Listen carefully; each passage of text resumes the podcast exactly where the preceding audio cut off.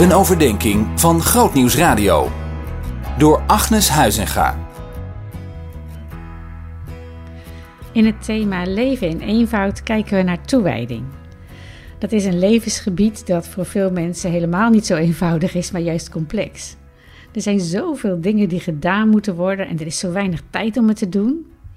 Hoe kunnen we nu onze taken uitvoeren zonder dat het te veel wordt? Jezus maakt ook dit levensgebied eenvoudig door wat hij zegt in Johannes 17, vers 4. Daar staat: Ik heb op aarde uw grootheid getoond door het werk te volbrengen dat u me opgedragen hebt. Let eens op het woordje uw, uw grootheid getoond.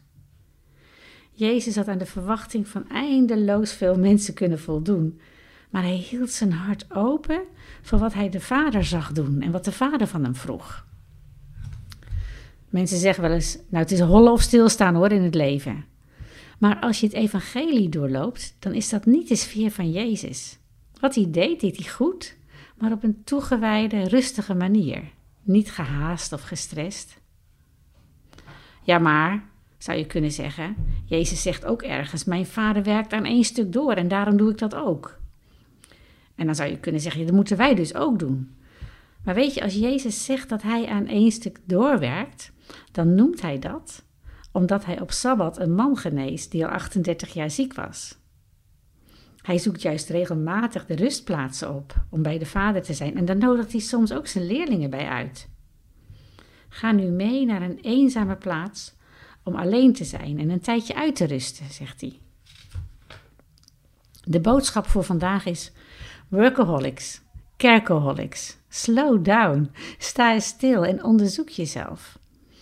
Je hebt alle tijd om te doen wat God wil dat je doet in deze wereld, zonder gejakker.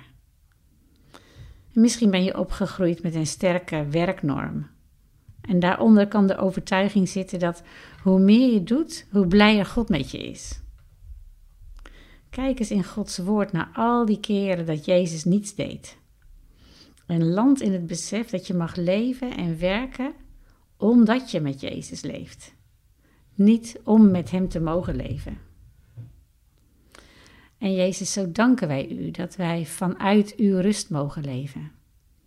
Dat U ons eerst rust geeft. Dat dat het Hebreeuwse denken is. Dat U eerst rust geeft en dat we vanuit die rust mogen leven.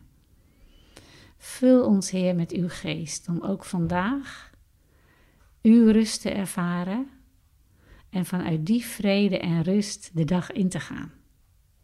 In Jezus' naam. Amen. Zien in nog een podcast? Luister naar Bij Jorike, de podcast.